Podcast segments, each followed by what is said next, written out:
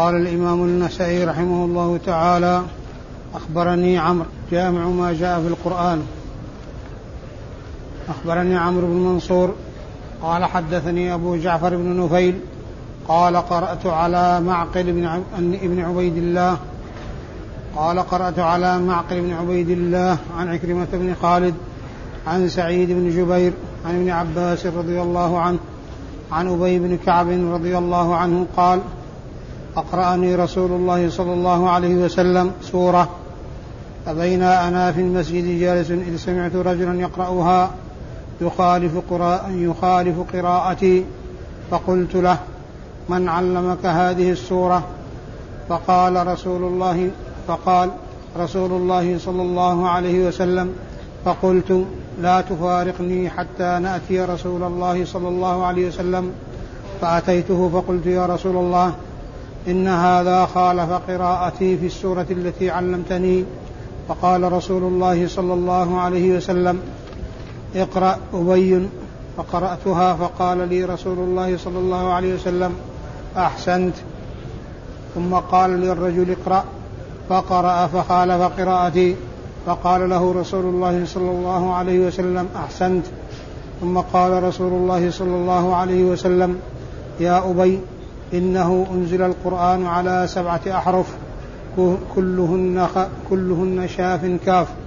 قال أبو عبد الرحمن معقل بن عبيد الله ليس بذلك القوي. بسم الله الرحمن الرحيم. الحمد لله رب العالمين وصلى الله وسلم وبارك على عبده ورسوله نبينا محمد وعلى آله وأصحابه أجمعين. أما بعد فلا زلنا في الترجمة. جامع ما جاء في القرآن. وقد, وقد مضى منها أحاديث متعلقة بكيفية الوحي إلى الرسول عليه الصلاة والسلام وبعض الأحاديث المتعلقة بإنزال القرآن على سبعة أحرف. وبقي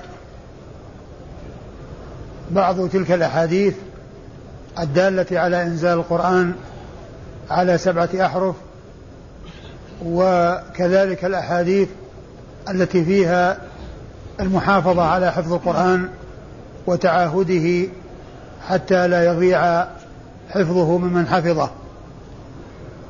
وهذا الحديث الذي معنا حديث أبي بن كعب رضي الله عنه هو من الأحاديث المتعلقة أو الدالة على إنزال القرآن على سبعة أحرف.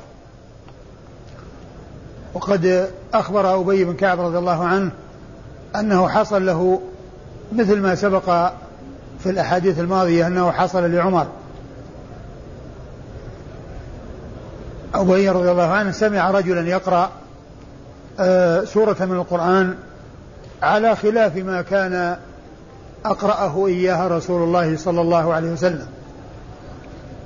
فقال له من, من علمك هذا؟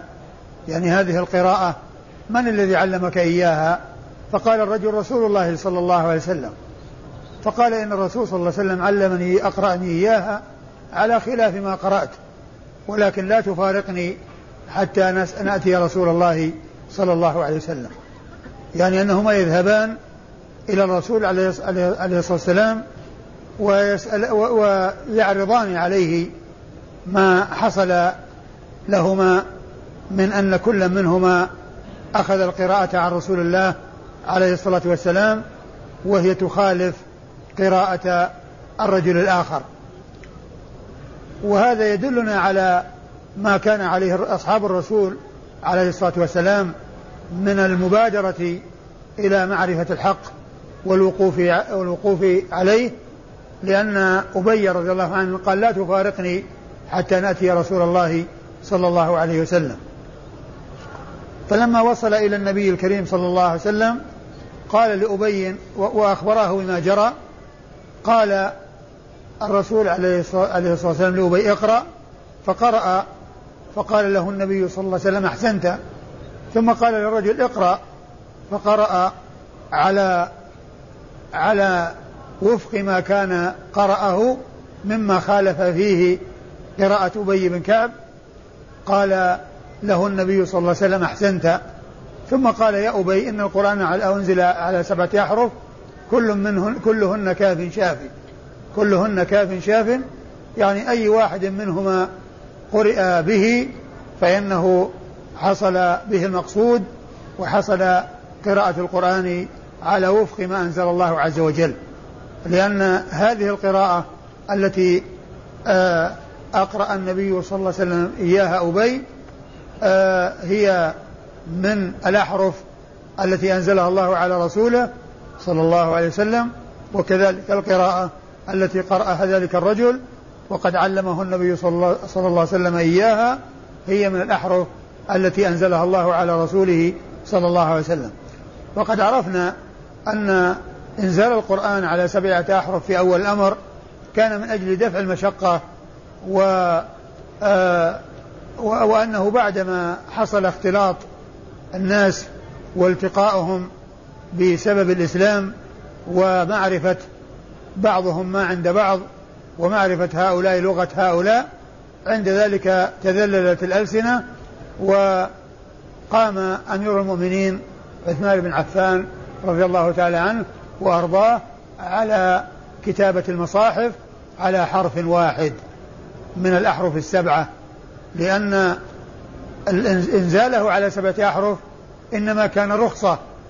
ولما آه، آه، زالت الحاجة أو أو أو, أو حصل آه،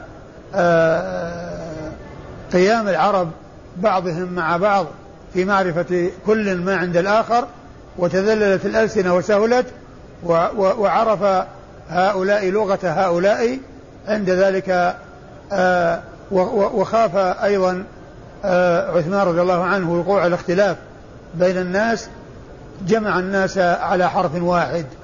وقد ذكرت في الدرس الماضي أن الإمام ابن القيم في كتابه إعلام الموقعين ذكر تسعة وتسعين دليلا على سد الذرائع أو أو وجها من أوجه سد الذرائع وأن الشريعة جاءت بسد الذرائع. أورد تسعة وتسعين. وقال إن هذا العدد يطابق أسماء الله الحسنى التي جاء الحديث فيها إن لله تسعة وتسعين اسما مئة إلا واحدا من أحصاها دخل الجنة. وقد ختم ابن القيم الأوجه التسعة والتسعين بهذا الوجه. هذا الوجه هو التاسع والتسعون. وهو كون عثمان بن عفان قصر الناس على حرف واحد حتى لا يحصل الاختلاف بينهم. يعني أنه فعل ذلك درءا لهذه آه، آه، آه، هذه المضرة التي هي حصول الاختلاف بين الناس وكان في أول الأمر رخصة وقد حصل للناس أن تذللت ألسنتهم وعرف بعضهم ما عند بعض فعند ذلك قصرهم على حرف واحد من الأحرف السبعة التي نزل نزل بها القرآن.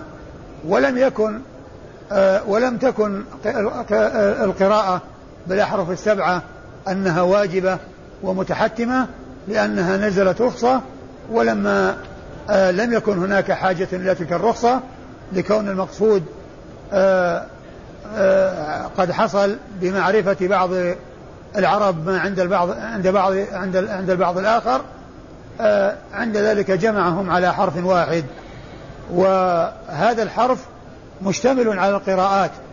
لا يقال أن الأحرف السبعه هي القراءات السبع لأن القراءة السبع موجودة ولهذا رسم المصحف يتحمل القراءات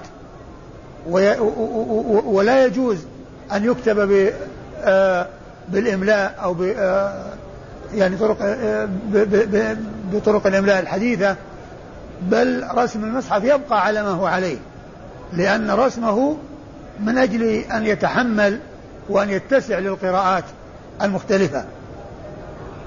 ولهذا نجد أن الرسم يحتمل القراءتين والأكثر. فمثل قال أولو جئتكم بأهدى مما وجدتم عليه آباءكم. قال أولو جئتكم بأهدى مما وجدتم عليه آباءكم. في قراءة قل أولو جئتكم بأهدى مما وجدتم عليه آباءكم. لو كان الرسم قاف وألف يعني بعد القاف ولام هذا الرسم لا يتحمل قل أو لا يحتمل قل وإنما يحتمل قال فقط ولا يحتمل قل. لكن جاء الرسم القاف متصلة باللام. القاف متصلة باللام. فعند قراءة قال يكون تكون القاف مفتوحة وفي ألف قصيرة بعد الفتحة. يعني الإشارة إلى أنها قال أو على قراءة قال. كما هي القراءة الموجودة في المصحف. يعني آه، رواية حفص عن عاصم الموجود بأيدينا وفي وفي وفي والقراءة الثانية قل أو لو جئتم. فكلمة قل إذا كانت القاف مشبوكة باللام اتسعت لقال ولقل. لكن لو جاءت بالحروف الإملاء الحديثة اللي عندنا أن الألف متصلة بالقاف ما ما تتحمل قل.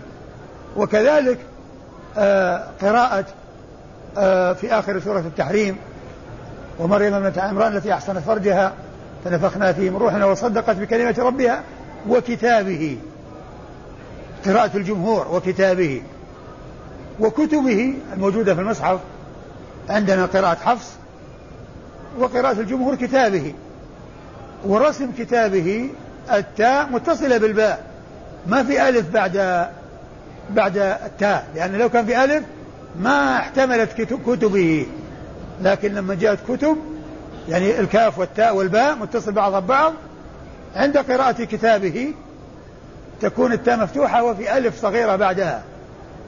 ألف صغيرة وعند قراءة كتبه ما في ألف ولكن في ضمة على التاء. ضمة على التاء. فالأحرف السبعة هي لغات على على ما هو مشهور.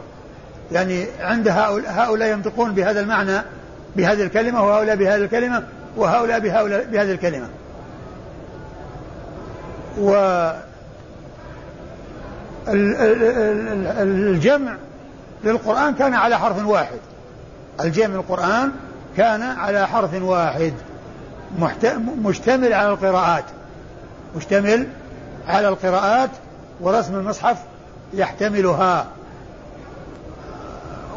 وهذا الحديث قال بعده النسائي والحديث ثابت وصحيح وقال النسائي في أحد رواته وهو معقل بن عبيد الله ليس بذاك القوي.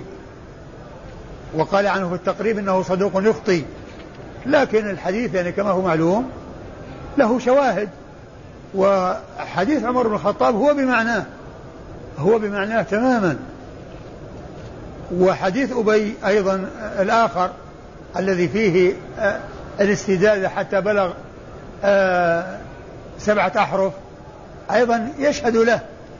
فإذا آه، هو أي هذا الحديث يعتبر ثابتا. ولو كان عبيد الله معقل بن عبيد الله يعني فيه, فيه كلام وهو ليس بذاك القوي كما يقول النسائي إلا أن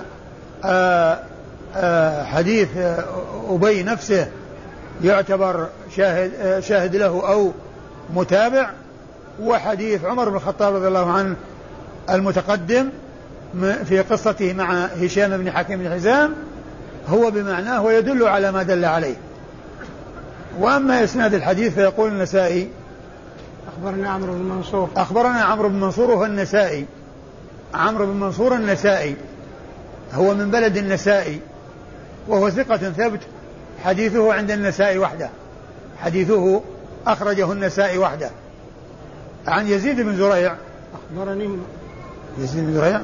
أخبرني جعفر أبو جعفر بن نفيل. أخبرني جعفر بن نفيل. أبو جعفر. أبو جعفر بن نفيل. وهو عبد الله بن محمد بن علي بن نفيل.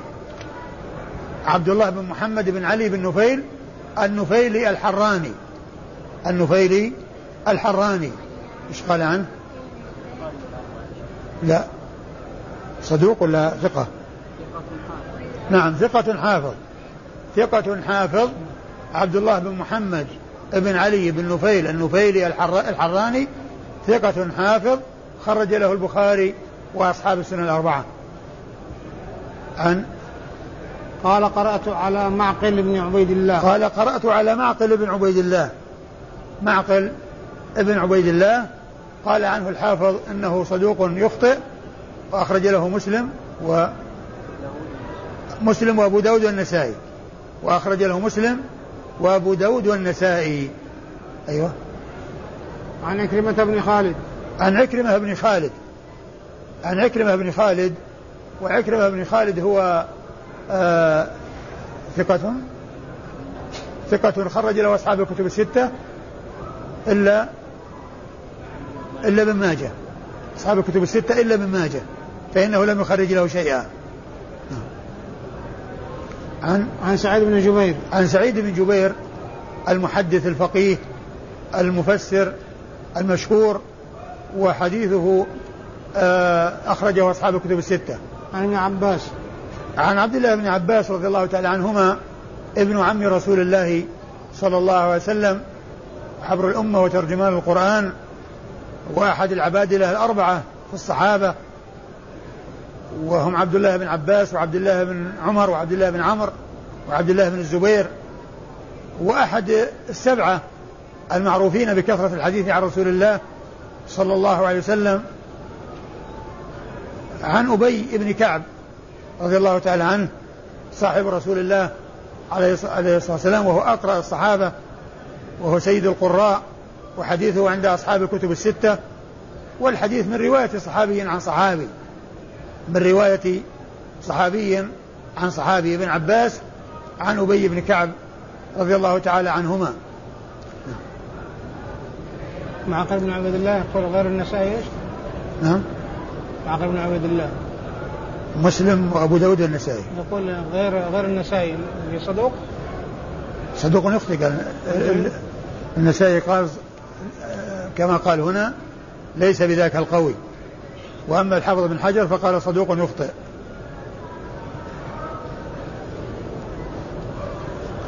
قال أخبرني يعقوب بن إبراهيم قال حدثني يحيى عن حميد عن أنس رضي الله عنه عن أبي رضي الله عنه قال ما حاك في صدري منذ أسلمت إلا أني إلا أني قرأت آية وقرأها وقرأها آخر غير قراءتي فقلت أقرأنيها رسول الله صلى الله عليه وسلم؟ فقال الآخر أقرأنيها رسول الله صلى الله عليه وسلم؟ فأتيت النبي صلى الله عليه وسلم فقلت يا نبي الله أقرأتني آية كذا وكذا؟ قال نعم. فقال الآخر ألم تقرئني آية كذا وكذا؟ قال نعم. إن جبريل وميكائيل عليهما السلام إن جبريل وميكائيل عليهما السلام أتياني؟ فقعد جبريل عن يميني وميكائيل عن يساري فقال جبريل عليه السلام اقرأ القرآن على حرف. قال ميكائيل استزده استزده. حتى بلغ سبعة أحرف فكل حرف شاف كاف. ثم أورد ثم أورد النسائي حديث أبي بن كعب رضي الله عنه من طريق أخرى آه، وهو بمعنى الذي قبله إلا أن هذا قال فيه إن أنه بعد أن قال إنك أقرأت أقرأتني آية كذا وكذا على كذا وكذا وغيري قرأها على كذا وكذا وقد أقرأتها إياه فقرأ كل منهما وقال إن جبريل وميكائيل أتيا, أتيا إلي أتياني وجلس جبريل عن يميني وميكائيل عن يساري وقال جبريل اقرأ القرآن على حرف وقال ميكائيل استزده استزده حتى بلغ سبعة أحرف حتى بلغ سبعة أحرف. فهو دال على ما دل عليه المتقدم. والمقصود من ذلك أنه يستزيده يعني يعني آه، آه، يطلب منه أن آه، يطلب من الله عز وجل أن يزيده. ولأن جبريل إنما ينزل بأمر الله وبوحي الله وإنما ذلك لكونه يطلب من الله عز وجل أن يزيده على الحرف الحرف الأول ثم الحرف الثاني حتى بلغ سبعا. وميكائيل يقول استزده يعني اطلب منه الزيادة. اطلب منه الزيادة أي أنه يطلب من جبريل وجبريل يطلب من الله عز وجل. جبريل يطلب من الله عز وجل والأمر انتهى عند سبعة. أي واحد منها كاف شافي. ثم الحديث الأول الذي مضى فيه أنه يقال للذي أجاد الشيء وأتى به يقال أحسنت. لأن النبي صلى الله عليه وسلم قال لكل منهم أحسنت. يعني آه أنك أتيت يعني بما بما أعطيت وبما ألقي إليك على ما هو عليه فقد أحسنت في ما صنعت. وكذلك الثاني قال له أحسنت. فهذا في دليل على أنه يقال للذي آه، وفق أو أتى بالشيء على وجهه يقال له أحسنت. وهي كلمة يعني آه، فيها آه، إجابة حسنة ورد حسن على من حصل منه الإحسان في الاتيان بالشيء الذي طلب منه أن يأتي به وجاء به على وجه حسن وعلى الوجه المطلوب فإنه يقال له أحسنت. وقد جاء هذا بسنة الرسول صلى الله عليه وسلم في أحاديث عديدة غير هذا الحديث. آه نعم. السند نعم السند قال أخبرني يعقوب بن إبراهيم. أخبرني يعقوب بن إبراهيم الدورقي. يعقوب بن إبراهيم الدورقي هو ثقة آه، وهو شيخ لأصحاب الكتب الستة. شيخ لأصحاب الكتب الستة كلهم رووا عنه مباشرة وبدون واسطة. وهو من صغار شيوخ البخاري. لأنه مات قبل البخاري بأربع سنوات. حيث كانت وفاته سنة 52 و200 وهي نفس السنة التي مات بها محمد بن بشار ومحمد بن مثنى وهؤلاء الثلاثة شيوخ لأصحاب الكتب الستة. شيوخ لأصحاب الكتب الستة. يعقوب بن إبراهيم الدورقي ومحمد بن بشار بن دار ومحمد المثنى الملقب الزمن كنيته أبو موسى. آه عن عن يحيى. يحيى نعم. ويحيى هو بن سعيد القطان المحدث الناقد المتكلم في الرجال وحديثه عند أصحاب الكتب الستة.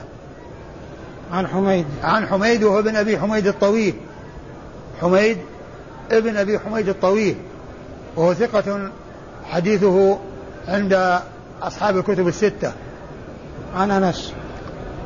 عن أنس بن مالك رضي الله تعالى عنه صاحب رسول الله صلى الله عليه وسلم وخادمه وأحد السبعة المعروفين بكثرة الحديث عن رسول الله صلى الله عليه وسلم. عن أبي بن كعب رضي الله تعالى عنه وقد مر ذكره في الإسناد الذي قبل هذا.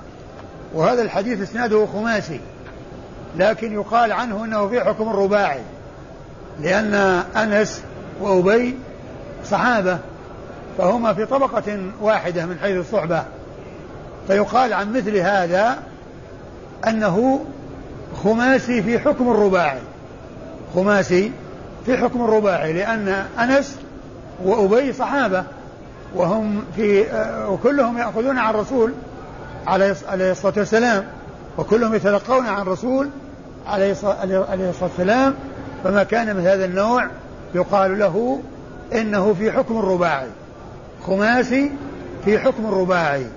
ليس رباعيا ولكنه في حكمه لأن الاثنين في طبقة واحدة.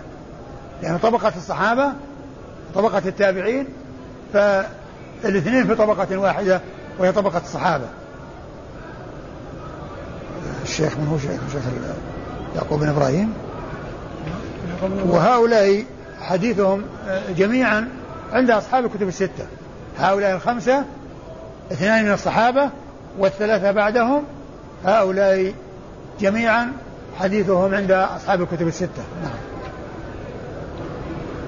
قال أخبرنا قتيبة بن عن مالك عن نافع عن ابن عمر أن رسول الله صلى الله عليه وسلم قال مثل صاحب القرآن كمثل صاحب الإبل المعقلة إذا عاهد عليها أمسكها وإن أطلقها ذهبت. ثم أورد النسائي هذا الحديث والحديث الذي بعده فيما يتعلق بالمحافظة على حفظ القرآن وتعاهده لئلا يضيع ولئلا يتفلت من الإنسان. وقد ضرب النبي الكريم عليه الصلاة والسلام لصاحب القرآن بصاحب الإبل المعقلة التي ربطها بالعقل حتى لا تذهب وحتى لا تنفلت. فالعقال يعقل يعقل به البعير مع يده ويشد عليه العقال حتى لا يتمكن من القيام والانفلات. فإذا فإذا عقل الإبل عندما يريد مثلا أن ينام الإنسان إذا كانت يعني في في فلات يمكن أن أن أن تنفلت بخلاف ما إذا كانت في مكان محوط لا يمكن أن تخرج منه فهذا أمره واضح. لكن إذا كانت في على وجه يمكن أن تنفلت في كأن تكون في في خلا أو في فلات فإن حفظها والمحافظة عليها ب آه، آه، بكون الإنسان يعقلها. بالحبال التي يشد بها على يديها. فكذلك صاحب القرآن الذي يحفظه إذا ما تعاهده بالحفظ بالحفظ والمذاكرة والاستذكار وكثرة التكرار فإنه ينفلت. كالذي لا يحافظ على كونه يعقل الإبل فإنها تنفلت. وإذا حافظ على عقلها وكونه يعقلها فإنه يبقي عليها ويأمن من انفلاتها. وكذلك الذي يتعاهد القرآن ويكثر من تلاوته واستذكاره وقراءته فإن هذا يبقى القرآن في صدره ويبقى معه القرآن ولا يتفلت بخلاف ما إذا أهمله أو غفل عنه فإنه يتفلت منه شيئا فشيئا. كشأن صاحب الإبل عندما يتهاون في كونه يعقلها ويتركها بدون أن يعقلها في بعض الأحيان فإنها تتفلت منه وتذهب منه. وهذا مثل ضربه النبي الكريم عليه الصلاة والسلام آه، والأمثال فيها تقريب آه، آه، للأشياء وكون الإنسان يقيس هذا الشيء بهذا الشيء ويجعل الشيء المعقول يعني يقاس بالمحسوس لأنه يقربه ويجعل الإنسان على استذكار له وعلى تصور تام له. أخبرنا قتيبة؟ أخبرنا قتيبة. قتيبة هو ابن سعيد بن جميل بن طريف البغلاني ثقة ثبت حديثه عند أصحاب الكتب الستة يروي عن مالك بن أنس إمام دار الهجرة المحدث الفقيه الإمام المشهور أحد أصحاب المذاهب الأربعة من مذاهب أهل السنة وحديثه عند أصحاب الكتب الستة. عن نافع. عن نافع مولى بن عمر وهو ثقة ثبت حديثه عند أصحاب الكتب الستة. عن عن ابن عمر. عن ابن عمر عبد الله بن عمر بن الخطاب رضي الله تعالى عنهما آه، أحد العبادلة الأربعة في الصحابة وأحد السبعة المكثرين من رواية حديث رسول الله صلى الله عليه وسلم. وهذا الإسناد رباعي من أعلى الأسانيد عند النسائي. من أعلى الأسانيد عند النسائي. وأعلى الأسانيد عند النسائي الرباعيات. لأنه ليس عنده ثلاثيات ليس عنده ثلاثيات وإنما عنده رباعيات. وهذا منها ومن أمثلتها. وقد ذكرت فيما مضى أن أصحاب الكتب الستة ثلاثة منهم عندهم ثلاثيات وثلاثة منهم أعلى ما عندهم الرباعيات. الذين عندهم الثلاثيات البخاري عنده 22 حديثا ثلاثيا والترمذي عنده حديث واحد ثلاثي وابن ماجه عنده خمسة أحاديث ثلاثية كلها بإسناد واحد. كلها بإسناد واحد. وأما الثلاثة الباقون وهم مسلم وأبو داود والنسائي فهؤلاء ليس عندهم ثلاثيات وإنما أعلى ما عندهم الرباعيات. وهذا المثال وهذا الإسناد الذي معنا هو من أمثلة الأسانيد العالية عند النسائي التي هي أعلى ما يكون عنده وهي الرباعيات. ثم هذا الإسناد الذي فيه مالك عن نافع عن ابن عمر هذا يعتبر أصح الأسانيد عند الإمام البخاري. أصح الأسانيد على الإطلاق عند البخاري مالك عن نافع عن ابن عمر. وهذا الحديث الذي معنا أو هذا الإسناد الذي معنا هو من أمثلة هذه السلسلة التي يقال عنها السلسلة الذهبية والتي هي أصح الأسانيد عند الإمام البخاري رحمة الله عليه.